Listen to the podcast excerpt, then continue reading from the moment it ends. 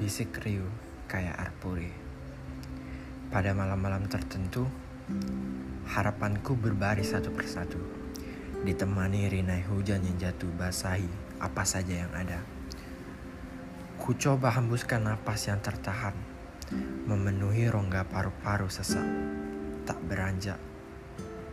Sejujurnya aku tak sudi menyentuh ingatan yang ramai, namun desakannya kian menjalar pada tiap aliran darah tak mampu ku kendalikan.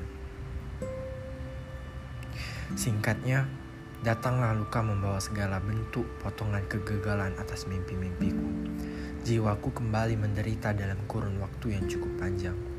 Degup jantungku semakin cepat bekerja.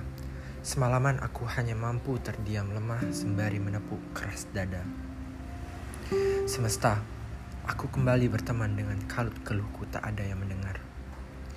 Tertutup senyum palsu di wajahku. Tolong, suruh mereka diam. Jangan lagi berbisik riuh di kepalaku. Tidak sopan. Celaka. Air mata tumpah setumpah-tumpahnya.